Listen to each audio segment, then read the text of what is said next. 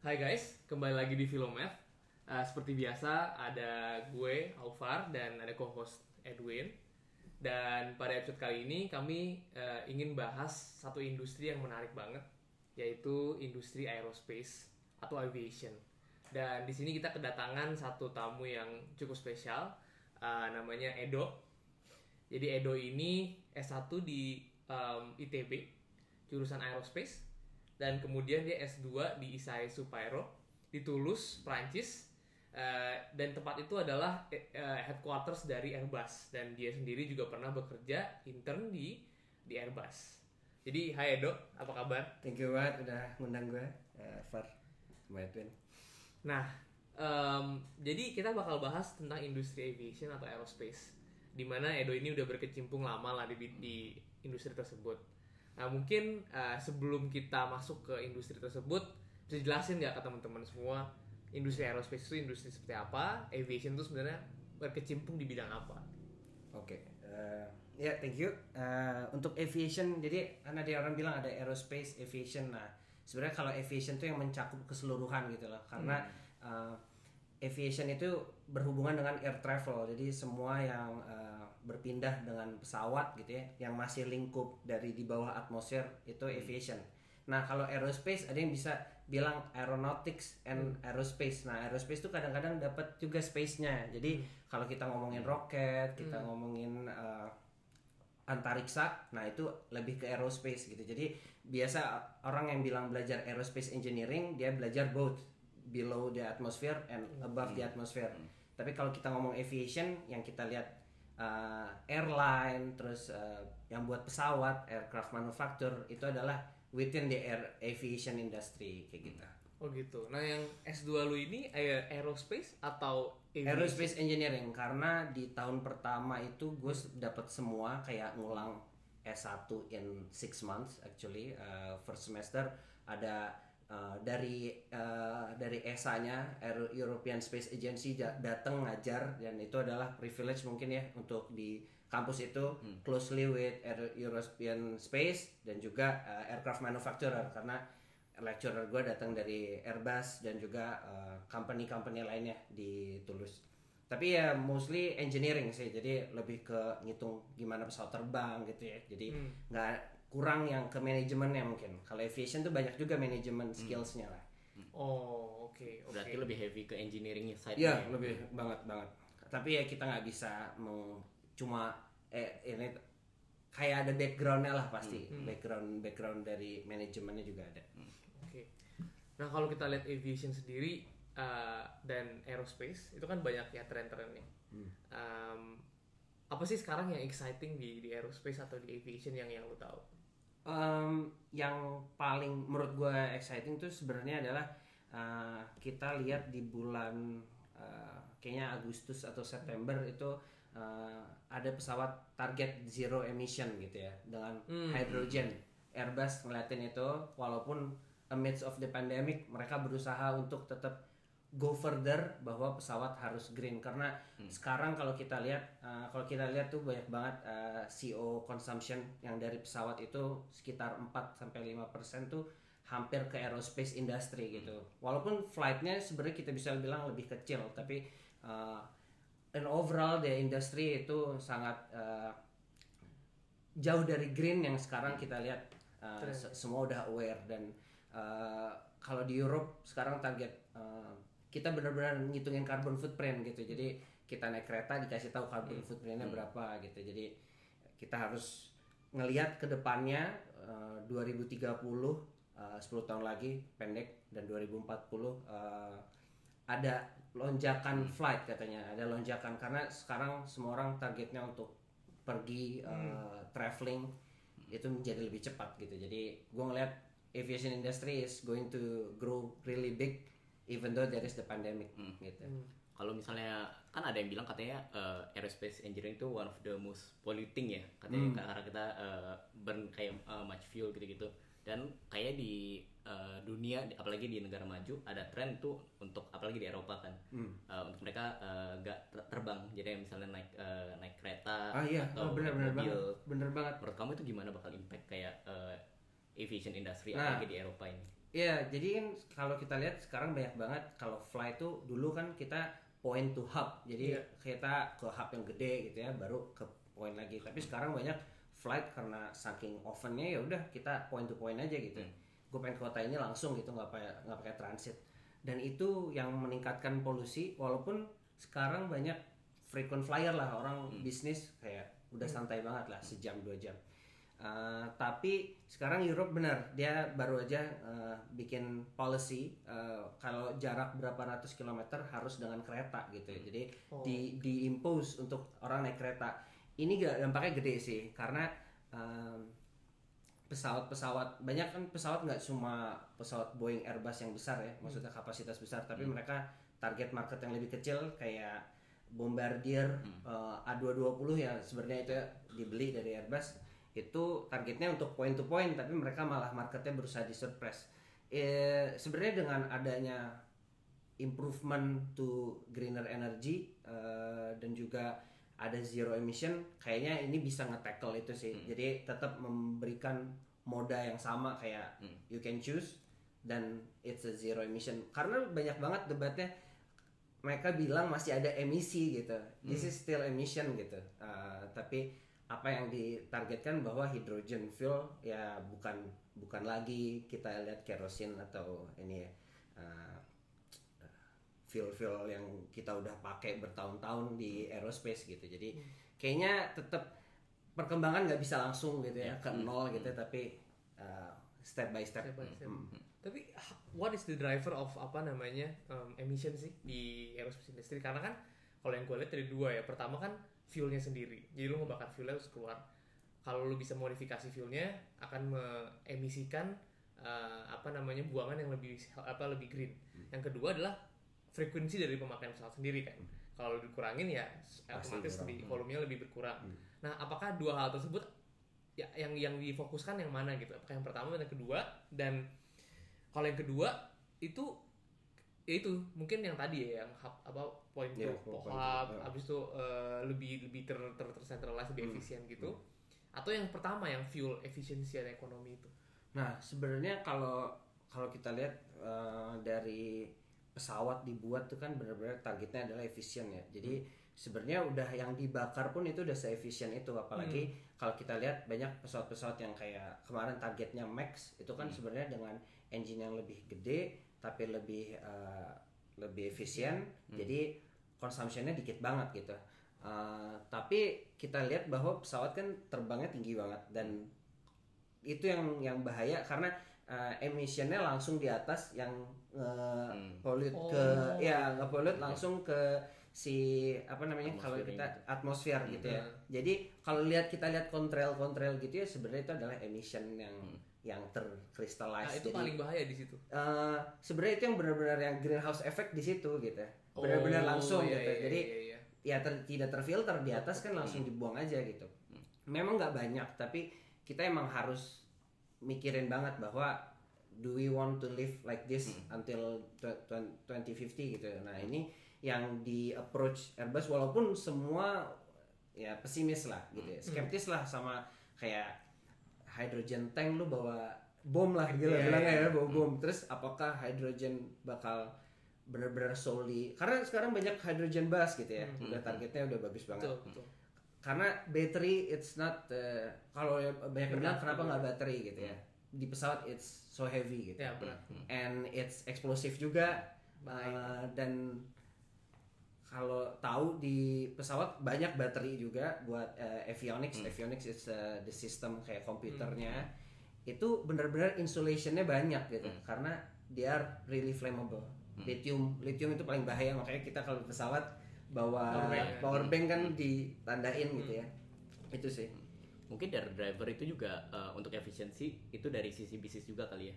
Soalnya kan kalau fuel tuh salah satu the biggest component untuk eh, airline airline jadi kalau misalnya ada pesawat kayak misalnya Dreamliner ya katanya lebih efisien tuh mereka lebih Pasti. prefer itu dibandingkan Iya. kayak A380 atau mungkin pesawat yang lebih boros gitu. Iya sebenarnya kalau mereka makanya selalu invest untuk beli pesawat baru gitu. Karena bi dengan pesawat lebih baru ya lu feel lebih murah gitu. Ekonomi. tapi kadang-kadang kalau kita lihat airline beli pesawat kayak 300 pesawat gitu in over 10 years gitu ya tapi mereka untuk ngetransisi karena pesawat nggak beli sebenarnya tapi leasing kan dia pakai leasing gitu ya. Jadi beli ke 10 tahun gitu ya lease 10 tahun gitu. Karena lebih murah jatuhnya gitu. Dan kalau kita lihat Indonesia salah satu yang paling kaya untuk beli pesawat gitu ya paling banyak langsung. Kita kita sama India tuh adalah paling market yang paling gede lah untuk civil aviation.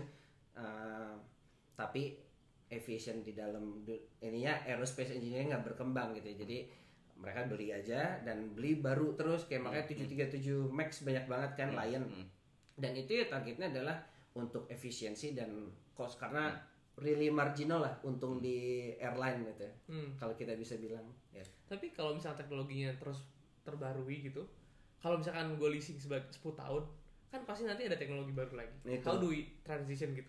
Nah itu itu yang repotnya sih sebenarnya Hmm. pesawat karena kadang-kadang kita udah banyak terus ada masalah Iya. kayak 737 Max gitu mereka di grounded dan uh, aerospace uh, Hmm. manufa eh, aircraft manufacturernya harus ngebail apa dan Hmm. itu menjadi tantangan sih karena pesawat tuh kalau bikin sebenarnya uh, kan dari project to program ya Hmm. jadi dari project mereka research itu sebenarnya untuk tiga tahun 4 tahun mereka harus udah gitu. Karena itu uh, within the kita bisa bilangnya itu within the regulation. Jadi lu nggak boleh bikin pesawat lebih dari lima tahun dari Hmm. produksinya. Karena kalau udah enam tahun harusnya Teknologinya teknologinya udah lebih ini. Jadi lima tahun gitu ya. Dan baru nanti lu mass produce gitu. Dan dan itu sih yang menjadi tantangan kalau misalnya sekarang uh, banyak yang bikin drone apa uh, kan unregulated tuh gitu. Dan semakin berkembang semakin bagus gitu. Tapi belum ada yang ngejagain dan sekarang lagi dibikin aturannya. Uh, EASA itu uh, certification uh, regulatory regulatory group di di Europe itu lagi targetin kita nggak boleh terbangin drone biasa sekarang gitu. Within the air uh, airspace semana gitu. Jadi uh, memang itu dia perkembangan teknologinya tuh cepat tapi nggak bisa langsung diadapt karena nggak ada uh, nggak ada bisnisnya. Jadi uh, marketnya tuh susah gitu. Lacking ya, Nah, karena dia bayar ter- kan they are really invested kalau udah beli satu pesawat kan nggak kayak lu sebagai pilot nggak mungkin bisa terbang banyak pesawat gitu. Jadi lu harus training lagi ada pesawat baru harus training lagi kayak gitu. Banyak investasinya di dibeli pesawatnya Tadi kita sempat ngomongin yang drone ya. Drone, Kayak drone tuh tuh, uh, nah. mulai masuk ke consumer lah. Nah, iya. Kayak tadi mungkin drone yang kamu maksud tuh drone yang lebih besar. Nah. Tadi mungkin aku sama Over juga kita sempat main-main drone Nah, kayak iya. DJI. Iya. Itu gampang banget. Dan aplikasi drone itu bukan cuma untuk fotografi doang ya Iya. sekarang. Kayak mungkin bisa di-share Nah, kayak iya. aplikasi drone sekarang sendiri. Indonesia tuh adalah salah satu yang uh, lagi ngembangin banget sih drone karena senior senior dari ITB itu pada bikin startup startup kecil untuk uh, bikin drone. Nah sebenarnya drone ini tapi nggak dimarketkan untuk orang biasa, tapi uh, untuk perusahaan. Nah perusahaan ini biasanya uh, surveillance surveillance seperti uh, dia uh, kerjasama dengan military juga ada. Jadi drone surveillance ada namanya HALE itu High Altitude Long Endurance Aircraft itu benar-benar tinggi dan dia bisa nge uh, nge-scan lah, nge-picture uh, kawasan gitu ya. Jadi karena high ada Male juga medium altitude. Ini semua dikembangkan uh, awalnya pasti industri dari militer. Karena militer tuh dari dulu adalah the top leading edge uh, technology Teknologi, yang baru nge-impose kayak oke sekarang aerospace pakai nanti baru otomotif pakai gitu ya. Nah kalau kita lihat drone banyak banget dipakai sekarang buat paling banyak sih kalau gue ini lihat mapping uh, daerah gitu. Daerah ya. itu? Uh, mapping daerah itu dipakai banget kayak uh, sawit perkebunan Iya. sawit itu tuh semua pada pakai drone lah itu untuk dia tahu ukurannya dan update-nya gitu karena murah gitu dibandingkan dulu pakai pesawat gitu ya mungkin untuk take picture gitu dan dan teknologinya murah juga sebenarnya dibuatnya murah gitu dan uh, nggak bawa orang nah Iya. itu yang, yang yang paling ini sebenarnya yang paling aman adalah nggak bawa orang Unmanned gitu, gitu. Uh, unmanned uh, aerial vehicle tuh paling paling aman gitu ya karena kalau udah bawa orang it's another level lah Iya. sertifikasinya gitu apalagi tempat-tempat bahaya, Iya. misalnya power plant, Wah, atau iya, rig, benar, oil benar. rig gitu Iya, kan, yang ah. dia mah harus inspeksi segala sekarang macam. sekarang banyak inspeksi building udah pakai drone yang kecil diterbangin aja gitu jadi udah inspeksi karena eh, sekarang kita teknologinya udah bagus banget Hmm. as in connectivity Hmm. jadi real time banget gitu ya kalau nge-record Iya. apa benar-benar dan detail gitu dan mereka juga dibikin eh, PIV-nya itu eh, image eh, untuk kayak image processingnya jadi mereka langsung kayak ngeliat ini oh ini ada crack misalnya di Hmm. building langsung mereka bisa Hmm. bisa differ saat mata kita mungkin enggak kayak gitu sih Nah, Oke banget, oke banget. Iya. Sebenarnya eh, sekarang malah lebih ke unmanned kalau kita lihat di Indonesia tuh bener-bener, industrinya. bener. menarik banget dan juga misalkan mau ada yang eh, nganterin barang gitu Ah, kayak barang. Itu itu lagi dikembangin di di Amerika banyak banget ngembangin untuk nganter barang karena kan Amerika Iya, jauh-jauh ya. logistik, eh, Iya. Logistik lo- yang- logistik. Eh, dia bilangnya ya targetnya untuk cepat ya. Jadi eh, sampai kayaknya bisa sampai 10 sampai 15 kilo dia bisa bawa gitu. Jadi cukup gede dia fixed wing gede gitu ya. Fixed wing itu maksudnya eh, wing yang fix jadi kayak pesawat biasa lah. Jadi eh, bukan yang helikopter Hmm. karena kalau buat jarak jauh bagusan yang itu cuma butuh landingnya kan jauh. Iya Kayak iya gitu. iya Nah. bener-bener bener. Cuma ya lagi banyak sih dikembangin kayak buat pemadam kebakaran sekarang Wih. ada. Jadi dia megang hostnya udah tinggal dia atur dari bawah bisa ketinggian 30 meter Oh, dibandingkan jadi tetap ada kabel apa? kalau iya kabelnya tip aja di bawah Masih ada tuh. dia dia ngarahin Oh. gitu sekarang teknologinya Menarik, udah menarik. Iya karena kan eh, digitalization one of the key drivers juga for the economy kan. nah ini Dan kayaknya semuanya butuh gitu Hmm, hmm. eh, drone. Hmm. Hampir semua industri sih yang gue lihat butuh Iya. drone. ya, ya kita digital transformation uh, ngedrive untuk bisa lebih cepat gitu ya Hmm. as in kita connectivity udah tapi physically-nya belum gitu nah Betul. gimana cara biar lebih cepat uh, dengan darat lama gitu kan jadi pasti flight nah Betul. itu sih Apalagi kita kayak negara kepulauan gitu ya. Wah, itu. dense. itu menjadi salah satu background uh, pesawat sebenarnya bagus banget di Indonesia as in domestically karena kita kepulauan sih jadi uh, kalau lewat air kan kondisi air kita kan Lama, iya. uh, de- dekat samudra ya jadi gede banget gitu ya ombaknya gitu jadi bagusan untuk flight kayak gitu. Kita udah ngomongin tren, ngomongin apa itu aviation sama aerospace. Cuman salah satu yang eh, menarik juga adalah tren di Indonesia. Hmm. Dan dari dulu kan kita sering dengar Pak Habibie Hmm. selalu mengembangkan industri aerospace segala macam. Tapi hasilnya em, mungkin belum apa yang diekspektasikan gitu ya. Bener banget. Nah itu kenapa sih? Ken- Kenapa bisa menyebabkan itu? Dan kira-kira eh, apa gitu root cause-nya gitu dari permasalahan itu? sebenarnya kalau dari ini pribadi ya Hmm. uh, secara pribadi gue melihat bahwa uh, kurang didukung pemerintah gitu jadi um, actually uh, aerospace or aviation in the whole world itu it's a subject of uh, government policy Kali political Hmm. Ah, karena uh, mereka employ banyak orang they are uh, big uh, du- duitnya banyak gitu ya. Very big capital. economy dan juga. strategik juga. Dan bisa jadi semacam political power. Kayak lu punya Ya. industri pesawat Hmm. bisa negara lain bisa beli dari lu. Itu kon- Obama datang kan waktu pas kita tanda tangan Boeing 500 itu Obama- sampai datang ke Jakarta Hmm. untuk memastikan deal itu jadi karena it employs 10.000 pekerja di Amerika. Dan itu itu sulitnya Indonesia karena uh, we are still in the um, in the stage of infrastructure yang kita lihat sebagai terlihat jelas dan bisa digunakan banyak orang yaitu jalan gitu ya. Jadi, Jadi fokus perluasan Indonesia jalan. sekarang Iya, masih di situ. fokusnya Indonesia belum kayak apalagi kalau kita bilang roket ya, wah itu udah benar-benar angkat tangan deh gitu. Kalau kita lihat roket Indonesia, gue nonton sendiri baru terbang belum sampai atmosfer itu udah turun aja gitu. Dan itu Iya, tapi iya, itu iya. berhasil karena they are one single stage rocket gitu. Jadi Hmm. single stage rocket sampai mana sih gitu. Tapi kalau gue lihat root cause-nya ya kita kurang didukung pemerintah dan private funding seperti Pak Ilham Habibie eh, sulit gitu, nggak segede itu gitu. Em, Karena kalau kita lihat almarhum eh, Habibie itu punya koneksinya luas banget dan eh, bisalah ngebantu PT RAI misalnya itu kan private ya.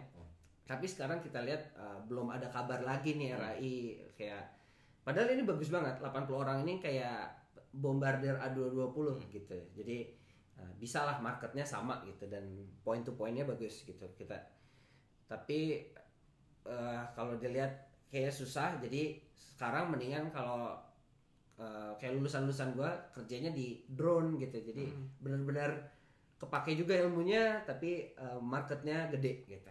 Daripada Dibanding- traditional. dibanding ya conventional aircraft itu udah eh, sekarang orang berusaha eh, ya karena capitalnya terlalu gede sih. Dan dan kayak biasa nih pesawat nih kalau iya dan heavily regulated. Kalau pesawat mau beli pesawat biasanya tuh pesawat masih didesain aja udah beli gitu. Jadi kayak eh, Emirates udah beli A380 sebelum itu jadi gitu. Jadi investasinya terus gitu kan. Kalau ini karena belum ada order atau apa jadi nggak nggak nggak bisa ada funding. Itu itu sih permasalahannya gitu ya. Jadi dua ya, dari segi regulation dari sama segi dari financing. ada financing benar Hmm. Tapi kalau misalnya kayak eh, kamu sempat mention yang buat drone ya, drone Hmm. industry di Indonesia itu mungkin atraktif.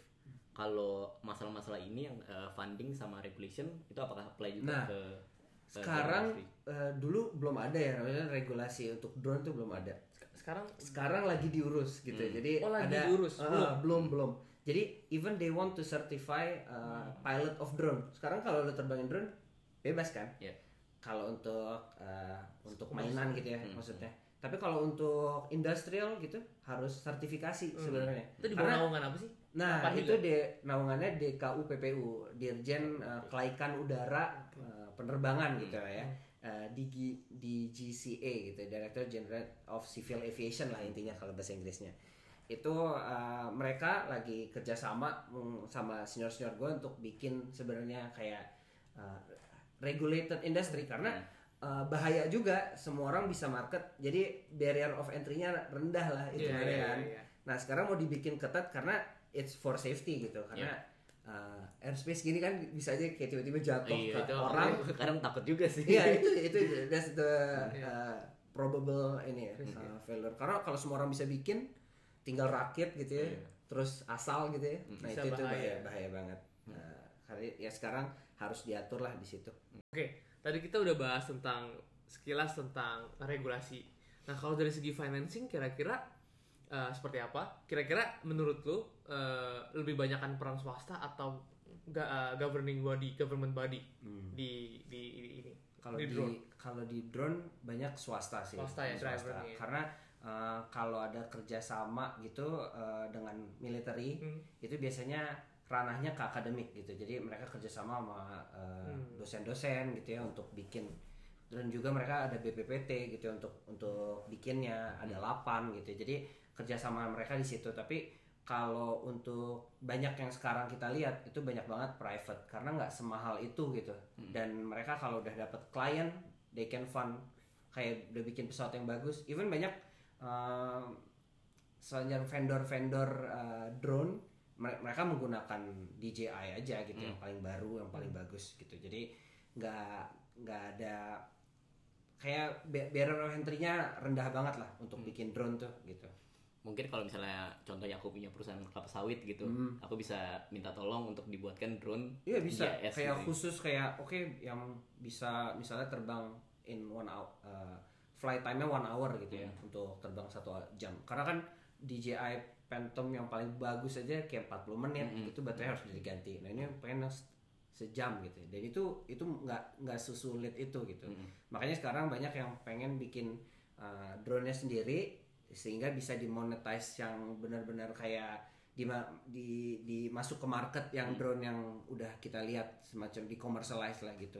Kayak gitu. Jadi uh, bagus sih menurut gue ini driver karena start from small aja lah. Kita sebagai engineer tuh nggak jangan yang langsung grand ya bikin pesawat gede gitu. Kayaknya untuk sekarang IoT gitu-gitu kan lagi digunain. Nah ini sekarang lah time-nya gitu ya menurut gue Untuk kayak startup-startup drone di Indonesia itu udah mulai ada belum sih? udah Kayak udah. pernah denger. banyak senior senior uh, Tentunya apa namanya? namanya Beta Was tuh ada. Beta Was itu Hmm. uh, dia bikin uh, drone yang uh, hybrid ya bisa terbang uh, dia bisa vertical take off length jadi Hmm. vertical take off terbang gitu terus uh, dia juga ada wingnya.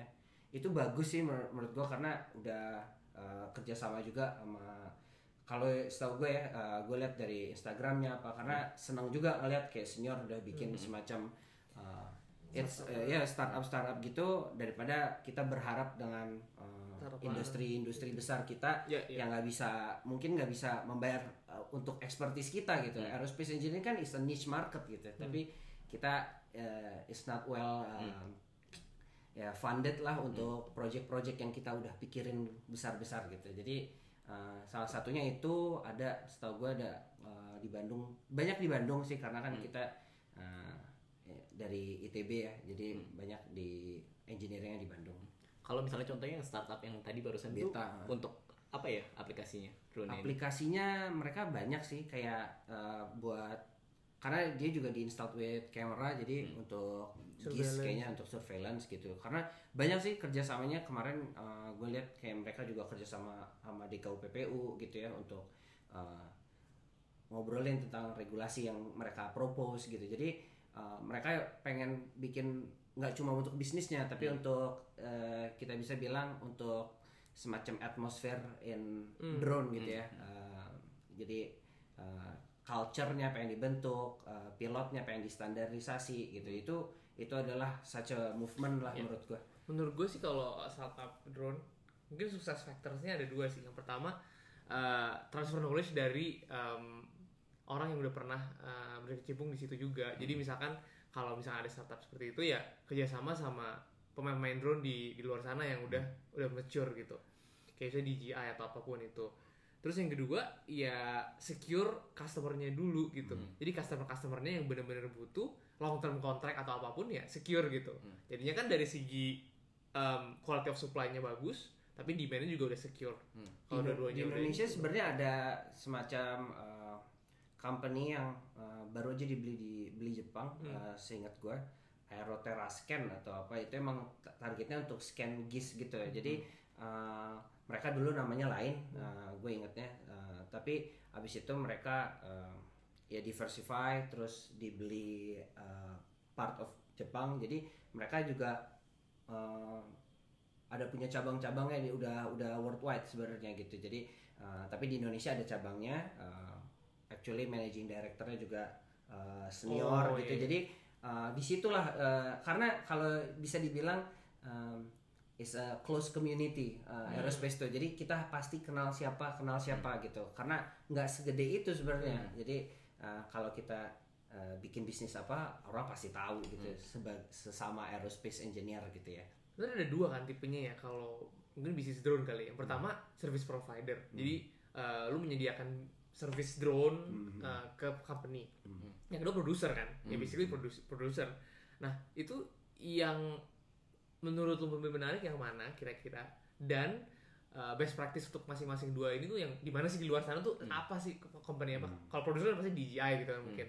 Kalau yang service provider ada nggak sih gitu? Kalau service provider udah banyak sih, tapi mereka kadang-kadang pun eh, jadi gini, kalau di Eropa eh, banyak banget perusahaan drone itu eh, in company gitu. Jadi kayak misalnya Siemens punya eh, kayak anak perusahaan anak drone. perusahaan Oh, iya. untuk drone bikin gitu, untuk Hmm. bikin drone. Untuk Army. karena karena mereka untuk eh, ya project Eh, internal project, gitu ya. Tapi kalau service eh, sekarang makanya banyak banget yang bikin pesawat eh bikin drone, bikin air taxi gitu.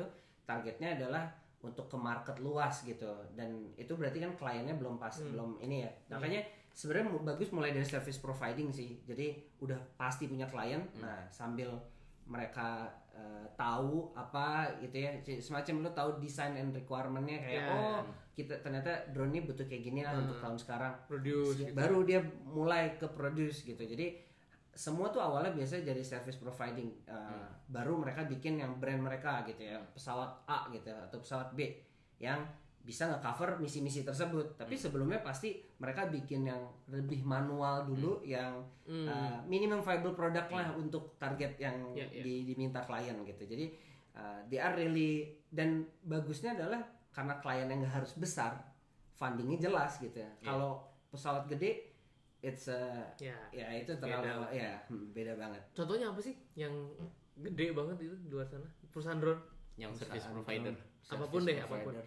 Provider. service provider apa pun deh kalau lu ngomong drone apa yang di otak lu di selain DJI soalnya kalau Tadi, setahu gue kan DJI gitu DJI ada ini uh, tahu parrot nggak Oh, tahu Oh itu. iya, Nah, parrot tapi itu itu di consumer kan? iya parrot tapi cukup sebenarnya cukup besar juga di di Perancis kan dia sebenarnya Kalau misalnya yang kayak industrial drone gitu apa ya? Kayak misalnya untuk uh. Pro yang yang agriculture gitu-gitu.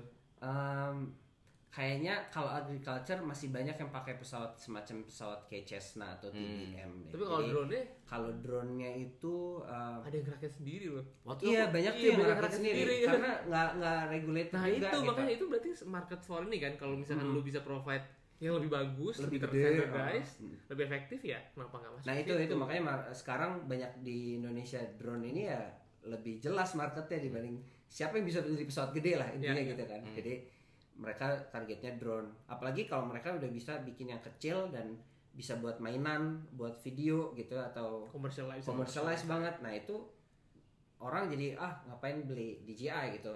Tapi DJ juga ke industri sih. mulai kan kalau Oke. nggak salah ada yang Nah, tapi kita nggak tahu itu sebenarnya. Jadi eh, setahu gue tuh mereka nggak bikin yang cuma buat video apa gitu, tapi mereka bikin Yang cuma by order By pasti, order. Custom kayak gitu gitu. gitu, custom. custom Hmm, gitu ya. Karena kalau kita lihat pasti mahal banget lah. Kayak lu bikin hal yang makin gede harus makin Speknya lebih safety, bagus. ya baterainya Iya, makin iya, gede iya. gitu. Nah, kalau misalkan gue juga denger tren aerospace yang UAM, UAM. Hmm. Nah, jadi urban air mobility ya. Iya, benar. Nah, kalau itu semacam apa sih eh, teknologi? Nah, jadi urban air mobility itu sebenarnya kasarnya mobil terbang gitu ya, Iya. targetnya. Karena Oke. ada di Belanda yang bikin emang dari mobil take off dari mobil gitu mobil jadi dari bener mobil biasa bener-bener mobil take gitu off di jalan Ah, raya ah, gitu ah, jadi kayak oh keren juga gitu. Karena mungkin eh, targetnya emang mobil terbang gitu. tapi banyak sebenarnya sebenarnya mini helikopter gitu. Karena kalau kita lihat helikopter kan eh, single rotor ya. Maksudnya gede gitu ya. Dan itu eh, orang lihatnya bahaya lah gitu. Tapi ternyata sekarang dengan ada electric eh, energy eh, electric motor lebih kecil gitu dibandingkan kerosin Ya, Nah, oke. jadi eh, mereka bisa bikin multi multi kopter dibilangnya jadi eh, banyak Ya, gitu. Ya. Mm. Tapi kan Di- outputnya lebih kecil kalau pakai motor listrik. benar tapi dengan lebih banyak itu eh, dia lebih kayak lebih gesit juga. Ada yang bikin namanya pakai distributed propeller eh, distributed propeller. Jadi ini sayap. Biasanya kan propeller dua doang ya di sayap kanan kiri gitu ya. ini kayak ada 10 gitu. Dan itu ternyata generating Bisa kayak- ini, iya bisa mu- rotate. rotor rotated juga gitu. Sekarang ada udah rotor ya um, udah rotated ini rotor aircraft ya. Jadi dia untuk terbang bisa vertikal terus habis itu dia rotate dia terbang lurus gitu. Hmm. dan itu lebih efisien dibanding helikopter kan boros banget gitu. Karena dia harus ngetilt baru terbang gitu ya. Jadi iya. eh, kalau kita bilang gaya dorongnya eh, vektornya nggak lurus gitu nggak ke arah dia terbang. Hmm. Kalau nah itu itu menjadi kenapa urban air mobility uh, muncul gitu. Karena we can make it more compact kok gitu. Targetnya itu sebenarnya. Mungkin satu faktor yang aku juga masih takut gitu itu faktor safety-nya sih. Ah iya kayak pasti sih. eh, apakah kita ingin terbangin atau nanti ada kayak eh, sistemnya kayak Automated. apa automated. Hmm. eh, itu. Soalnya kayak kalau kalau aku nonton nonton gitu banyak kan mereka kayak drone drone gitu ya Nah. drone tapi orang bisa masuk kalau mengenai faktor safety itu gimana ya kayak sebenarnya banyak yang uh, sekarang kalau kita lihat pesawat gede aja uh, fully automated udah bisa sebenarnya Iya. jadi pilot tuh cuma literally uh, safety literally, Layer kedua ya, gitu ya. layernya Hmm. padahal malah banyak banget sekarang crash adalah uh, human error human error Oh, iya, dibandingkan sistem. Jadi ini masalah hal ta- tabu atau enggaknya ada pilot atau enggak sih? Itu sebenarnya. Psychological safety. Nah, gitu itu. Ya. Kayak orang berani nggak terbang tanpa Mm. kayak Tanpa mobil pilot mobil gitu. tanpa ini kan sekarang udah ada gitu. Iya, ya. Karena safety-nya eh, maksudnya eh, hazard apa ya kita bilangnya impact faktornya tuh risknya itu nggak hazard gitu ya tapi ya masih Ya, ya, ya. masih manageable lah risknya nah kalau pesawat kayaknya belum Hmm. bakal ada harus pilot gitu tapi mereka juga lagi bikin yang pesawatnya cuma dua orang jadi bisa lebih kecil lagi ya udah itu fully automated gitu dan itu menjadi gimana nanti sertifikasinya karena semua certified uh, certification gitu ya certify harus ada operatornya gitu Hmm. kayak operator harus kayak gini-gini dan itu benar-benar hilang gimana gitu makanya UAV ini kan pilotnya mau disertify masa uh, drone apa air taxi yang bawa orang nggak ada pilotnya itu itu menjadi masih masalah tabu lah sebenarnya kalau di aerospace. Hmm. Karena Airbus sudah bikin uh, op- operatornya Fahana apa gitu ya yang benar-benar tanpa orang gitu. Tapi dia belum bawa orang gitu, bawa barang gitu. Tapi semacam air taxi yang udah bisa fully automated. Hmm. Nah, itu udah udah dibikin. Hmm. Tinggal kapan manusianya mau gitu. itu sih paling Kalau UAM sendiri tuh di Indonesia tuh gimana ya kayak perkembangannya? Apalagi kan kita di Jakarta tuh macet banget. Wah, iya. Enak sih kalau ada itu. iya jalannya 3D gitu ya Eh, 3D. terbang, terbang aja. Kalau di Indonesia masih minim sih. Jauh sih. Oh. Jauh. karena karena sebenarnya yang kita lihat adalah mau nggak funding segede itu. Hmm. Kalau kita lihat uh, Lilium ada di Jerman itu fundingnya Tencent, Oh. gede banget Gede gitu. banget, hmm. Uh, Volocopter juga fundingnya Cina gitu. Jadi ada dari Cina, ada Eropa juga. Tapi udah mereka startup gitu. Hmm. Mulainya dari awal banget. Uh, kayak 8 engineer mantan dari Airbus bikin. Di Prancis juga ada namanya uh, Ascendance. Mereka bikin juga uh, air taxi.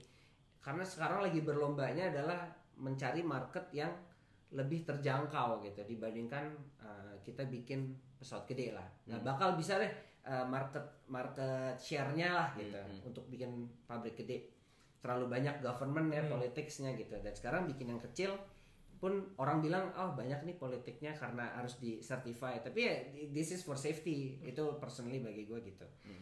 Cuma entry-nya masih lev- uh, barrier entry-nya rendah ya kita harus bisa ini. Cuma di Indonesia pengen sih ya kayak ada startup yang mulai gitu karena uh, masih cuma baru omong-omongan lah kayak pengen bikin urban. Hmm. Nah, kalau lihat sih kalau bisnis ya dilihat dari empat lah ya namun dari segi regulationnya harus support terus dari kedua dari marketnya ada atau enggak ada nggak? Hmm. habis itu dari segi capabilitiesnya ada atau enggak sama satu lagi eh, dari segi eh, apa namanya cap- eh, capability udah market regulasi. regulasi ya itu tiga lah ya Hmm. nah tiga itu ya kalau misalnya tiga tiganya support ya sebenarnya kan eh, harusnya bisa bisa aja Hmm.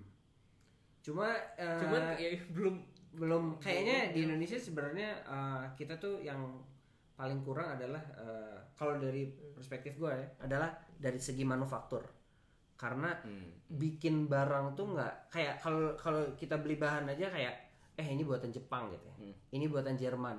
Kita beli keran aja mungkin mereknya Kohler gitu ya Jerman gitu ya punya.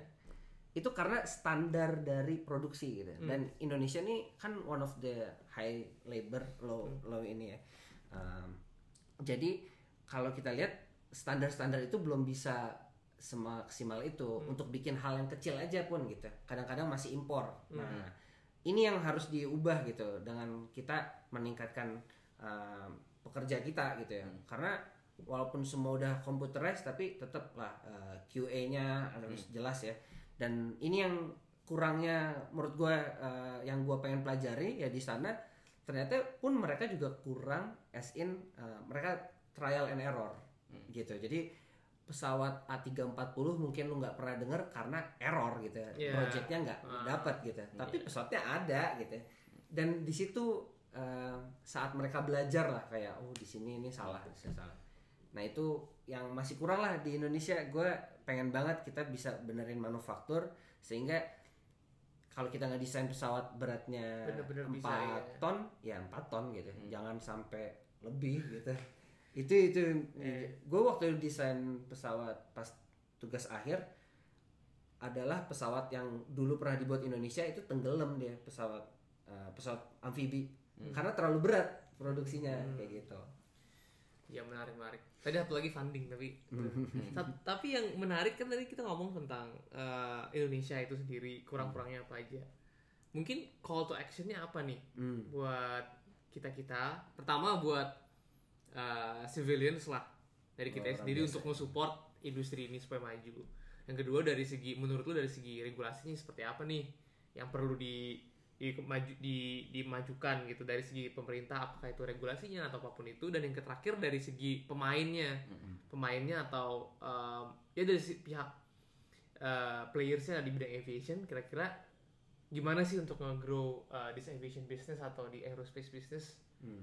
untuk mencapai apa yang kita udah bayangkan? Soalnya dari dulu eh urban air mobility dari dulu juga Iya, iya. eh, wah Konsep mobil ya. terbang mobil terbang Konsep. nggak ada Iya. nggak nggak nggak Iya terlalu kita Iya. di film-film juga Iya. bilangnya 2020 ya. ada. yang 20 nggak ada gitu kan Eh, kalau gue dari sekarang sih eh, kita masih eh, berkutat dengan pandemik ya. Jadi kalau gue ngeliat bahwa sebenarnya kita udah bisa eh, sekarang nih eh, semua negara lagi berusaha nge-rebranding gimana cara orang travel gitu. Hmm. Karena this disruption of travel ini udah bikin orang jadi nggak traveling as in for business dan juga leisure gitu. Jadi for business aja sekarang semua orang lewat eh, teleconference itu. teleconference gitu dan apakah urban air mobility ini bakal bisa berkembang kalau misalnya orang meeting aja nggak mau Ketemu, gitu. travel Hmm. ketemu gitu ah udah dari jauh aja gitu padahal ya kita masih uh, sebagai ya uh, human as in social ini jadi kita nggak bisa kayak beda banget gak sih touch kayak Iya, gini ya Iya, kita ketemu kayak gini masih penting banget. jadi uh, menurut gue sih untuk sekarang kita harus memang sesuai standar protokol kesehatan yang ada ya tetap kalau misalnya emang pengen traveling ya traveling gitu. Hmm. Tapi untuk diikuti gitu karena di sini adalah yang bikin takut orang kayak eh gimana nanti safety-nya. Padahal banyak banget studi bahwa uh, di pesawat tuh literally karena circulated air ya. Jadi kayak AC-nya circulated air dan dibersihin mereka aman gitu. Uh, low infect infection gitu ya di di pesawat dibandingkan kalau kita lihat di kantor Hmm, hmm. karena di kantor AC tuh sebenarnya nggak nge-circulate air eh, udara gitu cuma ngasih doang kadang-kadang gitu ya exhaustnya nyedotnya juga dikit gitu jadi Hmm. eh, lu lebih bahaya deket orang gitu di kantor dibandingkan di pesawat yang krem. Malah sekarang udah dikosongin satu ya. Karena kalau enggak eh, perusahaan pesawat eh, airline nggak bakal bisa bayar perusahaan pesawat gitu ya untuk investasinya.